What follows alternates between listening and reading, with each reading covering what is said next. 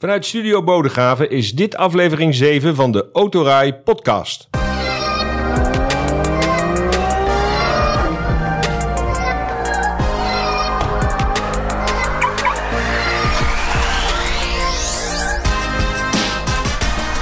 De Autorij Podcast is de talkshow over auto's, autonieuws, actualiteit, alles over auto's en mobiliteit, direct of indirect verbonden met auto's.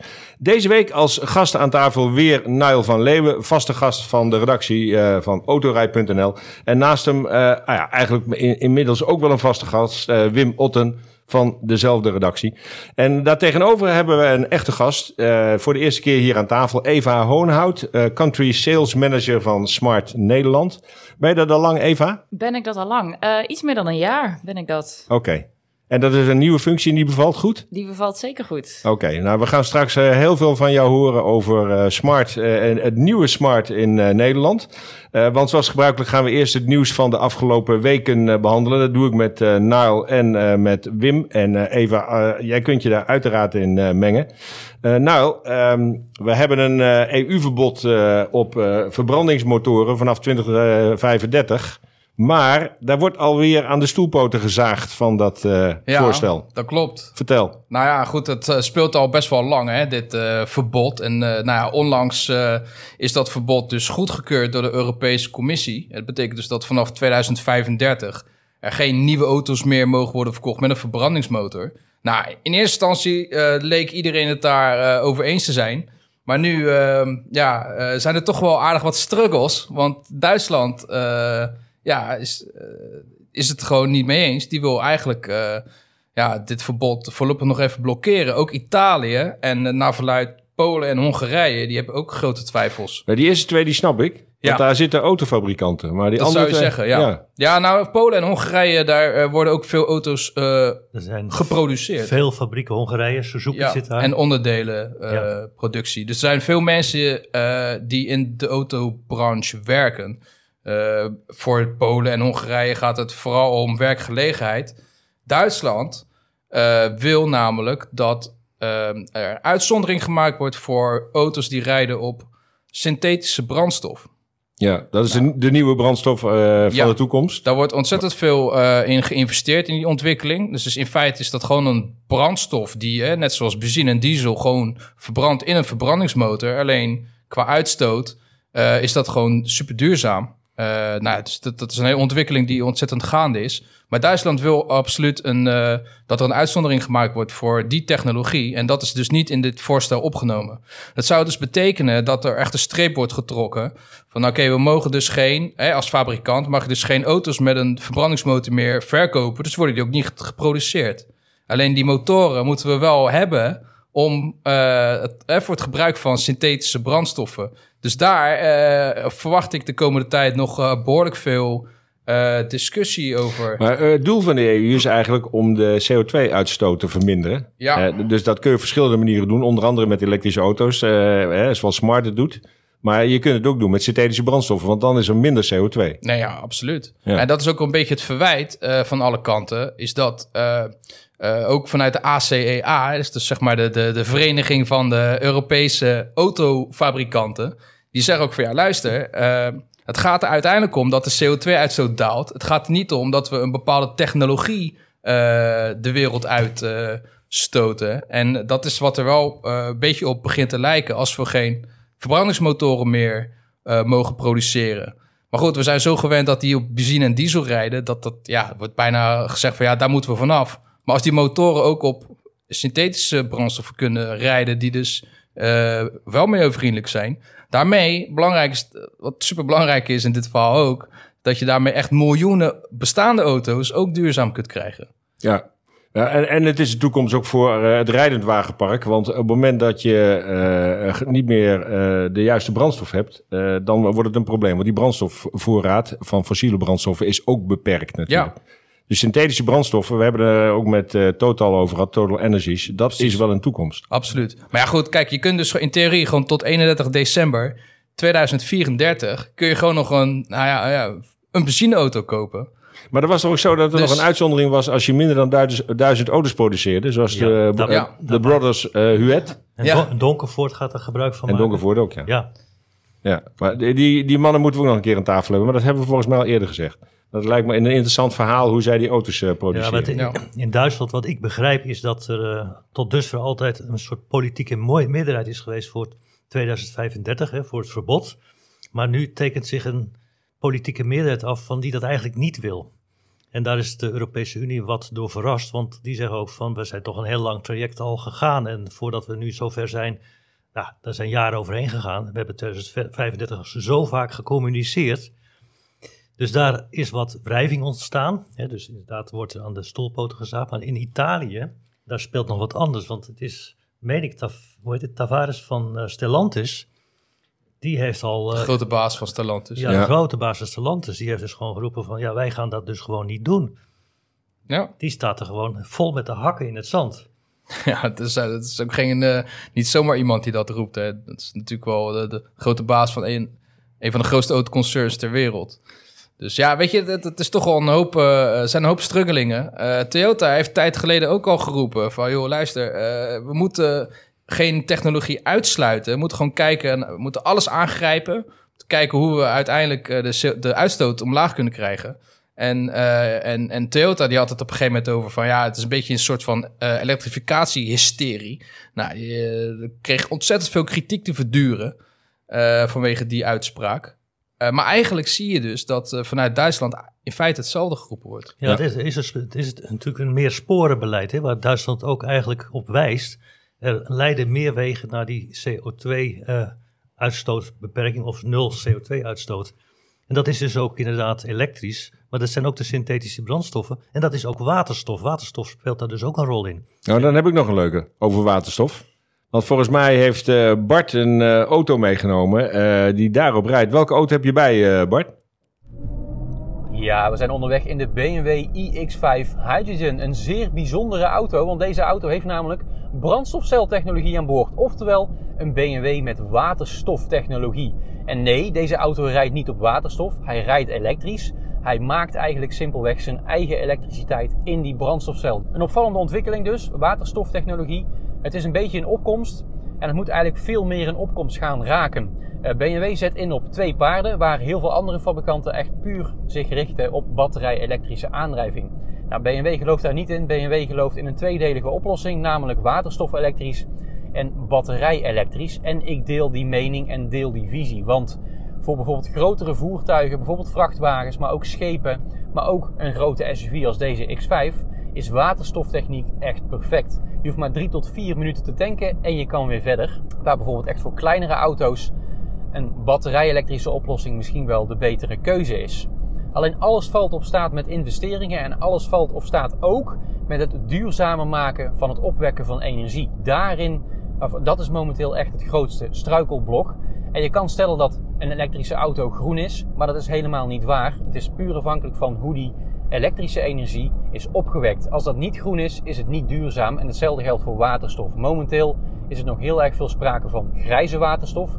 Dus waterstof opgewekt met aardgas. Maar we willen natuurlijk toe naar blauwe en groene waterstof. Groene waterstof bijvoorbeeld met zonne-energie, windenergie en blauwe waterstof met eh, bijvoorbeeld waterkracht. Daar moeten we naartoe. Maar BMW bewijst met deze iX5 Hydrogen in ieder geval nu al dat die waterstoftechniek echt nu al helemaal klaar is voor de toekomst. Want deze auto rijdt heel erg goed. Maar ik ga niet alles verklappen. Lees daarvoor het complete verhaal op autorij.nl en kijk daarvoor ook de complete video op onze website. Want daarin gaan we uitgebreid in op de rij-eigenschappen van deze auto, maar vertellen we ook meer over de aandrijflijn van deze bijzondere iX5. Dat was hem voor nu van mijn kant. Ik hoop dat je het leuk vond. Weer terug naar de studio. Oh ja, en vergeet je natuurlijk ook niet te abonneren op deze podcast. Hoi hoi. Ja, hij gaf wel een beetje gas eh, aan het einde. Ik had ik, niet het idee dat een elektrische Eh, auto zoveel lawaai maakt. Klonk maar- als een spaceship. eh, Ja. Hadden wij alles, eh, alles behandeld over... eh, de, want jij was nog bezig, Wim, maar ik haakte er even in over die waterstof. Ja, Ja, nou ja. dat is een mooi bruggetje natuurlijk. Maar ja, waterstof eh, is ook wat, wat heel belangrijk is, wat Bart ook aangeeft. Het moet allemaal wel groen worden opgewekt. Dus Ja. je hebt groene stroom nodig. Heb je ook nodig voor de e-fuels, hè, voor de synthetische brandstoffen. Eh, want daar is gewoon ook heel veel energie voor nodig. Maar als je dus daarvoor zonne-energie of windenergie gebruikt, dan is het een groenere brandstof. En Ja. inderdaad, bij de, als aan de uitstootkant heb je dus nauwelijks CO2. Want het is, er zitten geen fossiele grondstoffen in. Is voor Smart ook belangrijk, hè? Eh, groene stroom, toch? Ja, uiteraard. Ja. Ehm, de auto mag dan eh, elektrisch zijn en elektrisch rijden. Maar eh, eh, het belangrijkste doel daarvan is natuurlijk nog steeds dat het eh, eh, goed is voor het milieu. Ja. En eh, ja. Ja. ja maar hoe is de verhouding nu in eh, Nederland met groene en grijze stroom? Weet iemand dat hier aan tafel? Want ik ben het getal kwijt. Volgens Nou, mij ik, is het- ik weet de laatste stand van zaken. eh, ik ben geen deskundige, maar wat ik heb gehoord is dat ongeveer 9% van de stroom is groen. Maar dat varieert met eh, het seizoen. In de zomer is dat hoger. Ja. Ja. inderdaad. En daarvan, de hel- ongeveer de helft daarvan eh, komt uit de biomassa-centrale. Dus nou ja, dat, Oké. het laatste wordt niet over gezegd eh, in hoeverre dat echt groen is. Maar goed. Nou, we gaan het eh, straks uitgebreid over elektrisch rijden hebben. We gaan eerst weer even een, eh, een sprongetje maken in de tijd. We gaan een stukje terug in dit geval. Dus niet vooruit naar eh, waterstof en groene stroom, maar terug in de tijd. En wel naar het merk Renault. Die had destijds de eerste MPV. De Espas was de grondlegger van de MPV. Maar die komt weer terug, Wim. Jij Ja. weet er wat meer van. Ja, 1984 kwam de eerste generatie van de Espas op de markt. Sensationeel, want het was voor... Op het eerste gezicht leek het een soort bestelauto. Nee, zei Renault, want de bodemplaat, het hele chassis is totaal nieuw. Dat was namelijk compleet verzinkt. En de carrosserie, of laten we zeggen het omhulsel, hè, de, de, de buitenkant, was gemaakt van, eh, van eh, eh, kunststof. Hè, dat is van, Polyester, hè? van polyester. Ja, ja. Met glasvezel versterkt. Hij werd toch door Matra gemaakt, of niet de eerste? Klopt, in, bij Matra. Ja. We kennen misschien, sommige mensen weten het nog van Matra Simca. Die had je ook. En eh, nou, dat bedrijf was helemaal gespecialiseerd in die eh, eh, met glasvezel versterkte polyester componenten. Maar het sensationele zat hem natuurlijk in, het, in de ruimte. Monospas eh, werd die genoemd in Frankrijk. Maar het ging erom, je had een volledig vlakke vloer. En daar stonden dus zeven afzonderlijke zitplaatsen op. Die kon je ook nog verplaatsen, uitwisselen, uitnemen. En de voorste twee stoelen van de bestuurder en de passagier, de bijrijder, kon je dus draaien. En dan kon je de middelste stoelen ook nog neerklappen, zodat je een soort tafeltje had. Je had eigenlijk, een, wat Renault toen zei, een vergaderopstelling. Maar ik kan me ook herinneren dat de kwaliteit van die auto was nou niet echt eh, heel erg goed. Matra die maakte leuke auto's, maar de kwaliteit was niet hoog. En dat dat ook de enige is geweest die bij Matra is gemaakt. Toch de tweede generatie was van Renault. Ja, en ja, Ja. was ik in de vormgeving totaal anders. Ja. De eerste generatie was een vrij hoekig model. Soms zie je er nog wel eens één rijden. Meestal met een gigantisch door de zon verbleekte kleur. Vanwege de polyester. Vanwege dat polyester. Ja. Maar dat gaf wel aan dat hij duurzaam was. Want ja, dat kon er- maar ja, technisch was het een Renault. Volgens mij zat er een eh 2 liters eh viercilinder motor in. En eh, heel veel glas. Eh, Ja. een soort... eh, Dat was toen in de mode, hè? die hele grote ruiten. ja, ja, Waardoor dit uh, snikheet werd in die auto. ja. Maar ehm, eh, wat is nou eh, precies het verschil tussen een MPV en een SUV? Want, eh, want- daar moet je wel even een handleiding bij pakken, denk ik. Ja, want in de tijd is dus eh, gesproken van de MPV, een Multipurpose Vehicle. Ehm, de nieuwe Espas, dat wordt eh, ook door Renault een SUV genoemd. En dat is een Sports Utility, utility Vehicle. Als je Ja. dat, dat eh, zeg maar, die afkorting hoort, lijkt het verschillend. Maar als je dat dan weer in het Engels hoort, dan lijken daar best wat overeenkomsten in te zitten.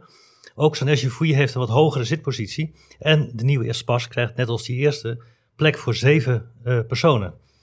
Ja. Dus dat concept van die MPV wordt eigenlijk wel weer doorgetrokken. Alleen hebben we tegenwoordig nauwelijks nog MPV's op de markt.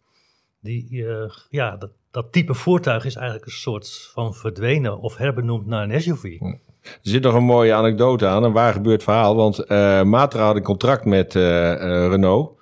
En eh, op enig moment eh, zei Renault, we stoppen ermee.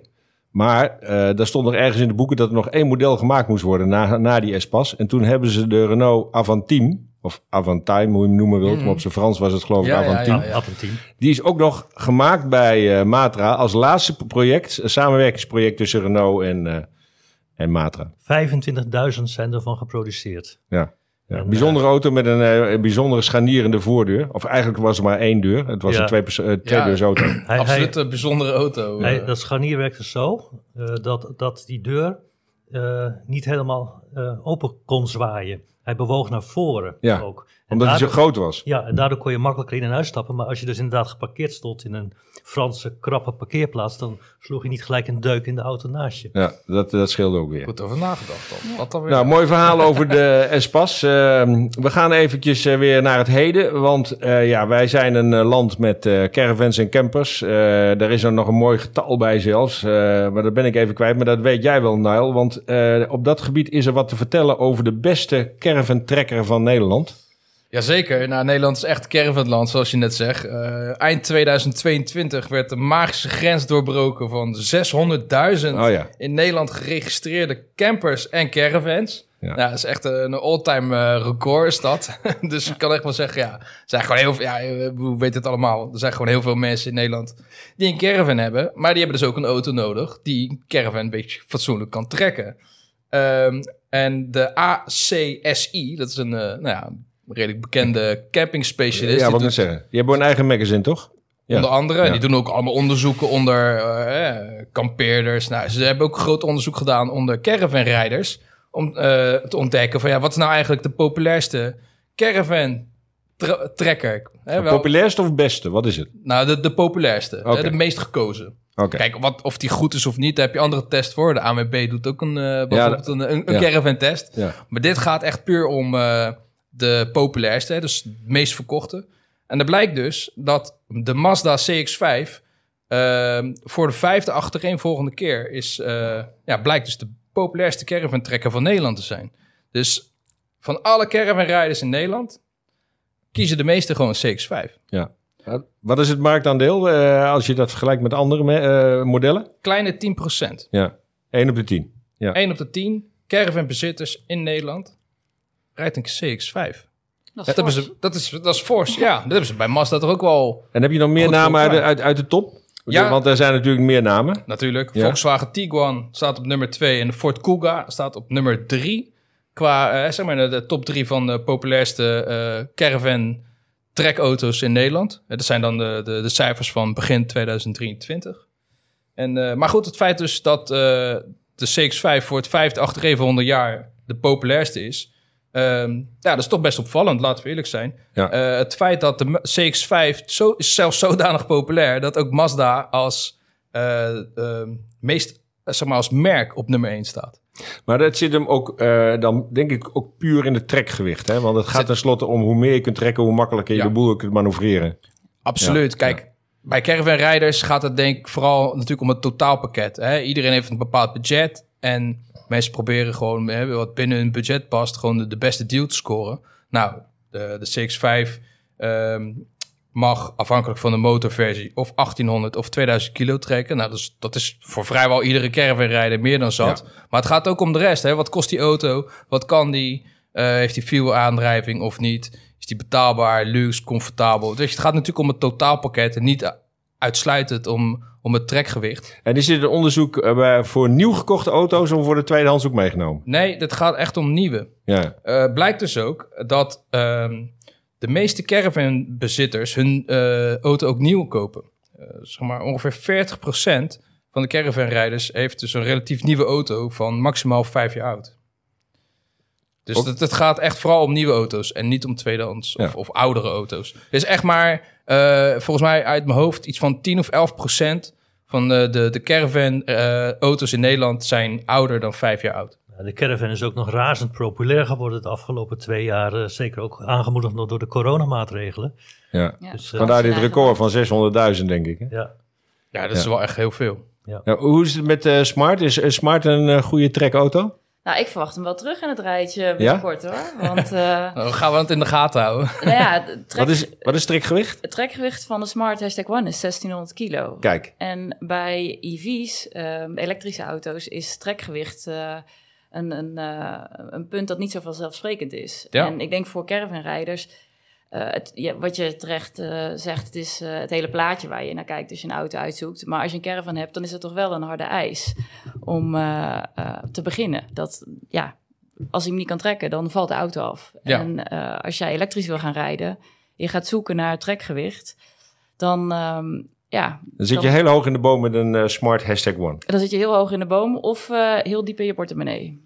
Ja? Ja, Ja, ja, je krijgt ze wel, maar dan zijn ze veel duurder, bedoel je? Precies. Dure modellen, ja, ja. Precies. Ja, nee, je kan natuurlijk gewoon een eh, dikke Amerikaanse pick-up aanschaffen. Dan kan je drie caravans trek je zo eh, overal doorheen.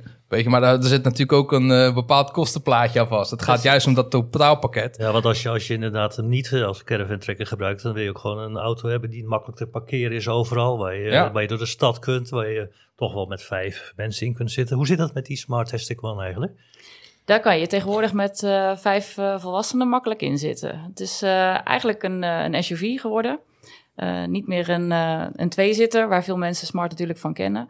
Maar gewoon een volwaardige auto waar vier volwassenen in kunnen. En eh, dus ook je caravan eh, makkelijk mee kan.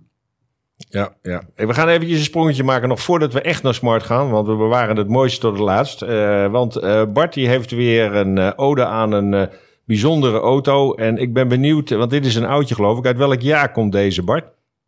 In 1997 presenteerde Toyota een auto onder de naam Prius, wat zich in het Latijns laat vertalen als de eerste. Het was de allereerste hybride auto van Toyota, maar moeders mooiste? Nee, dat was de Prius niet.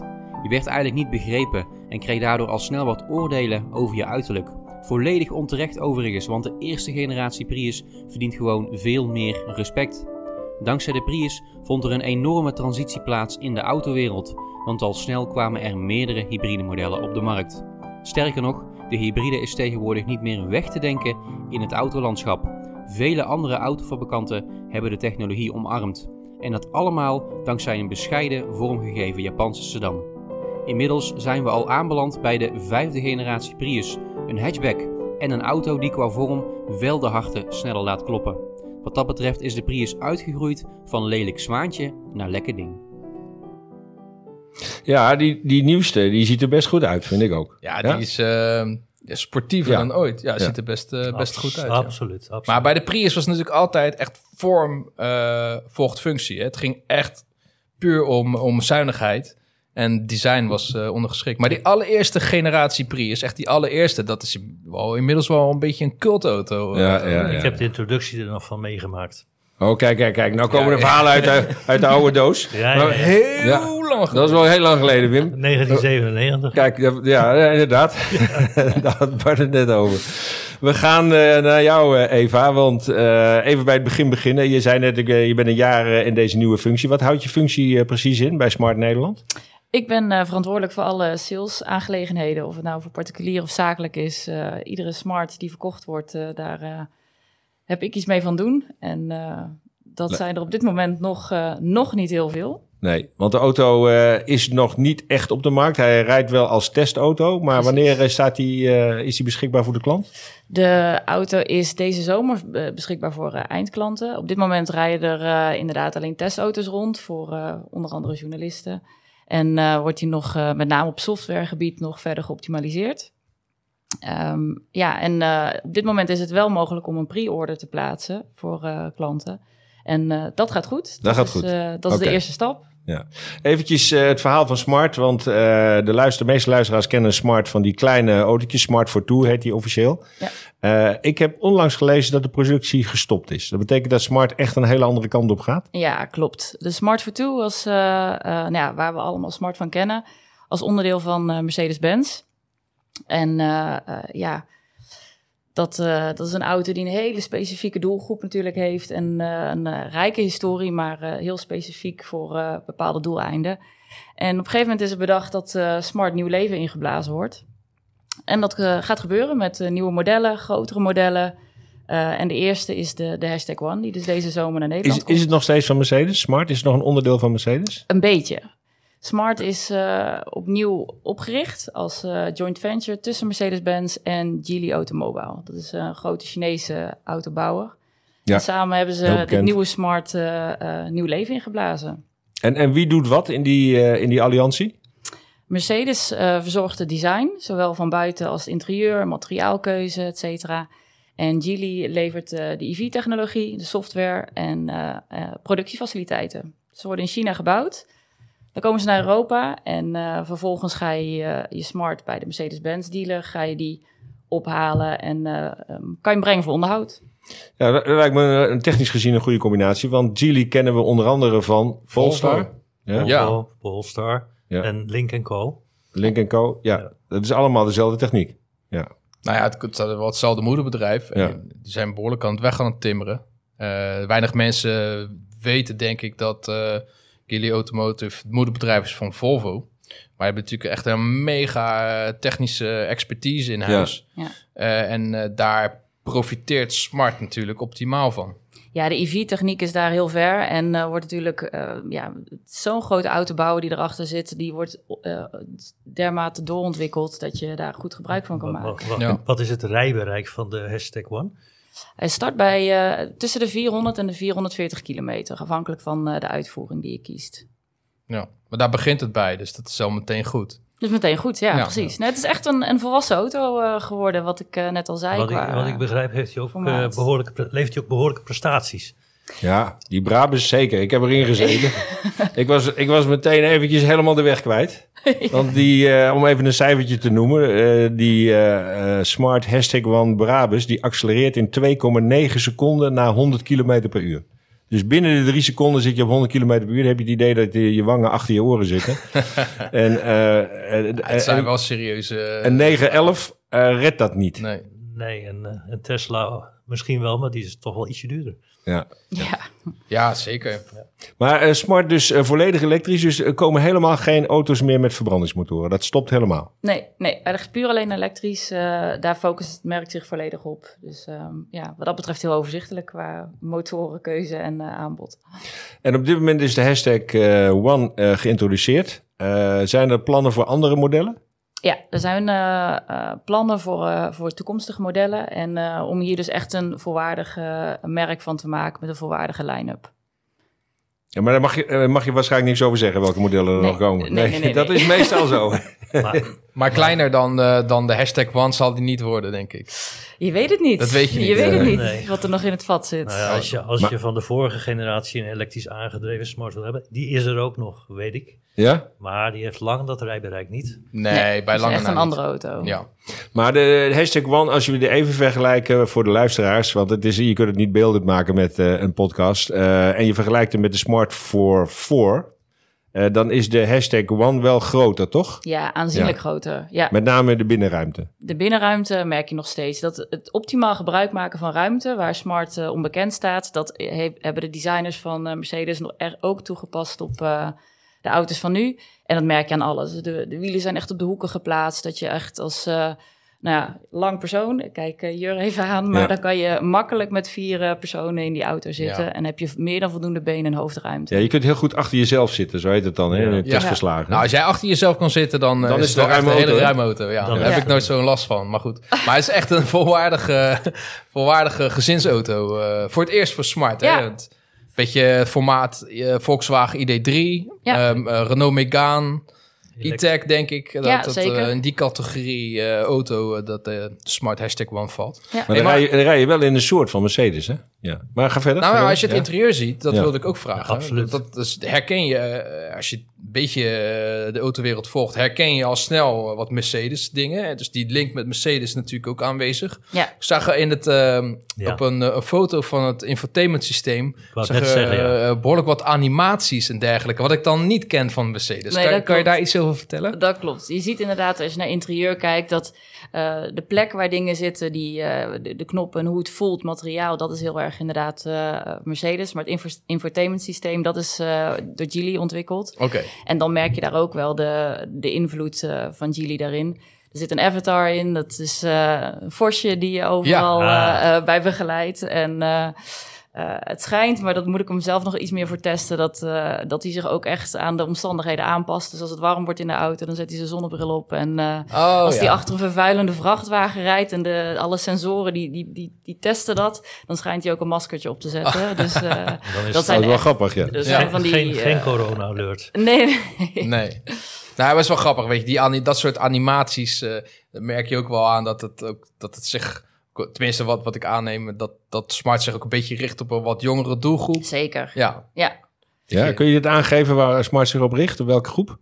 Eh, nou, inderdaad, de jongere doelgroep. Ehm, ik denk dat Smart altijd wel een jong merk is eh, geweest. Ehm, waar je het ook aan ziet, is de, de maat van digitalisatie. Dus je kan de auto online samenstellen, je kan hem straks volledig online eh, kopen.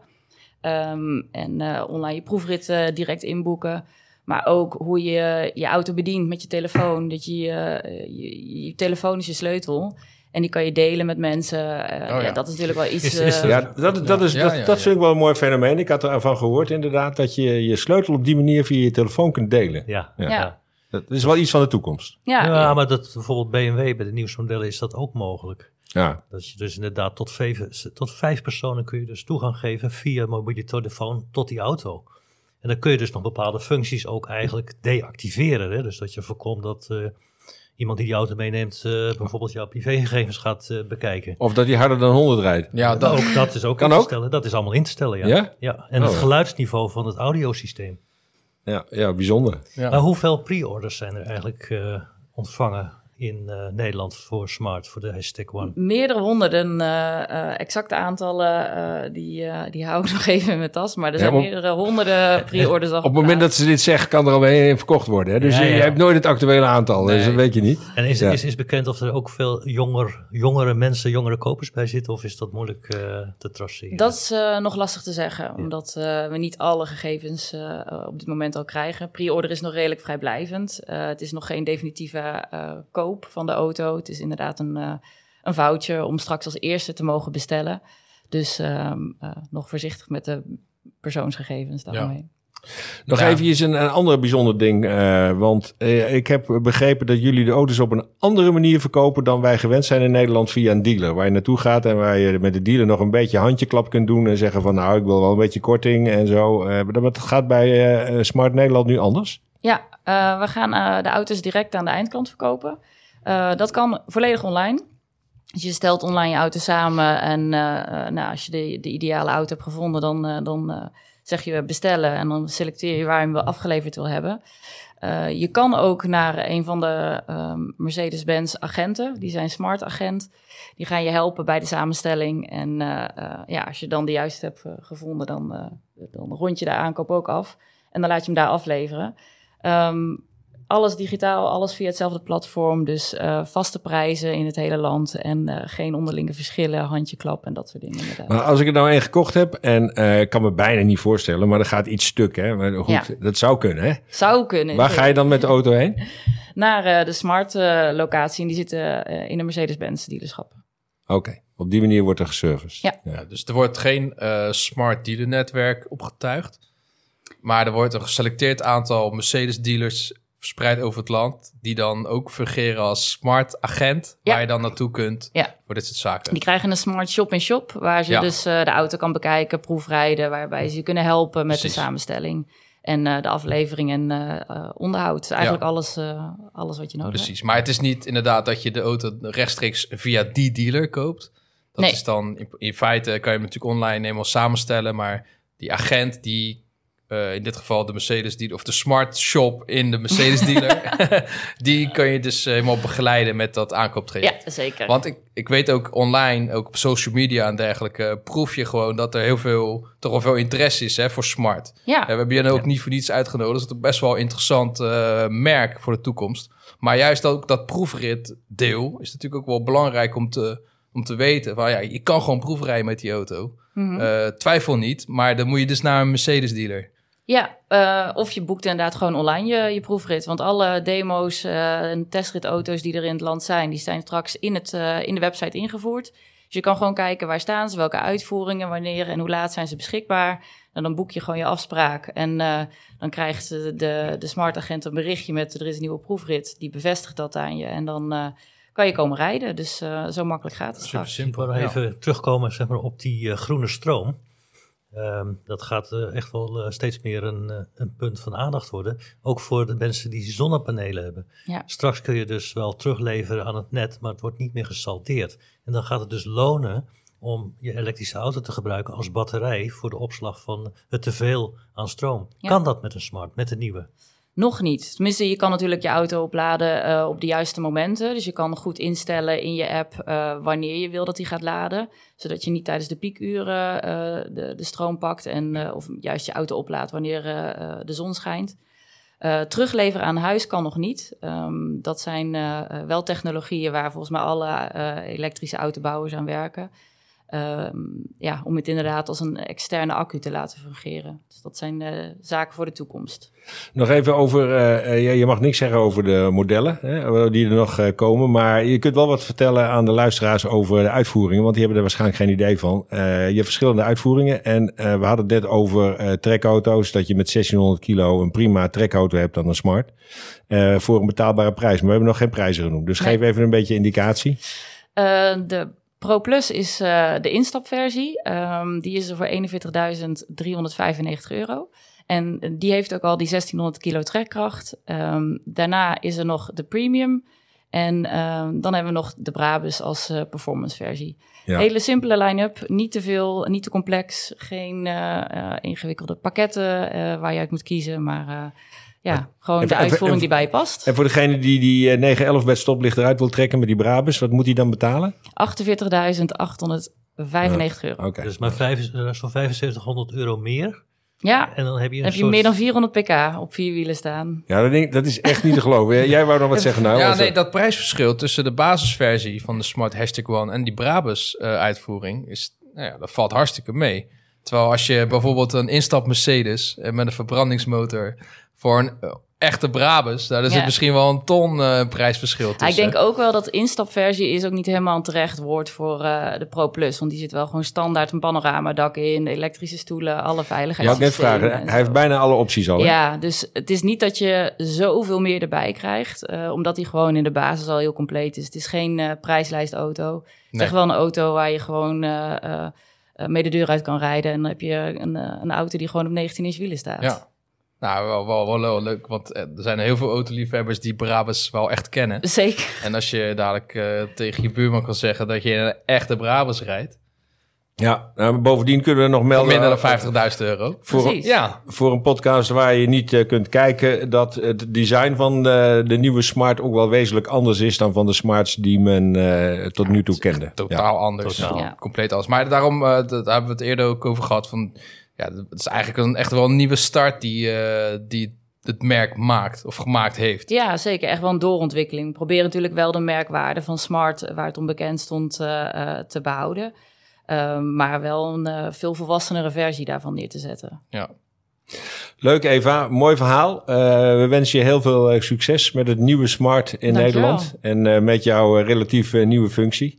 Um, we gaan nog deze podcast afsluiten met de 30 seconden, de 30 seconds, zoals dat in goed Nederlands heet. vorige keer was het goede antwoord de Max Roadster. Niet een hele bekende auto, maar er waren toch een paar mensen die dat wisten. En Rutger van Heest uit Gorkum is als winnaar uit de bus gekomen. Dus gefeliciteerd. Uh, ben benieuwd uh, wat er nu weer op de rol staat. Echt klein ben je niet. Ook al zit dat wel in je naam. Je bent geen vrouw en hebt een voorliefde voor het platteland. Het liefst kies je wat ruigere paden, maar in de praktijk sta je vaker geparkeerd in de PC Hoofdstraat. John heeft voorkeur voor de snellere versies. Het gevoel dat je geeft valt bijzonder in de smaak bij Max Verstappen. Ja, welke zou dit zijn? Uh, als je het goede antwoord weet, stuur het naar podcast.autorij.nl. En volg ons op onze site autorij.nl of Facebook, Instagram of YouTube. Laat een review achter op je favoriete podcast-app. En mail alle vragen en opmerkingen naar datzelfde mailadres podcast.autorij.nl. Dank Wim Otte, Nuil van Leeuwen en Eva Hoonhout voor deze aflevering 7. Dit was het voor nu. Tot de volgende. Rij veilig en geniet van al het moois op de weg.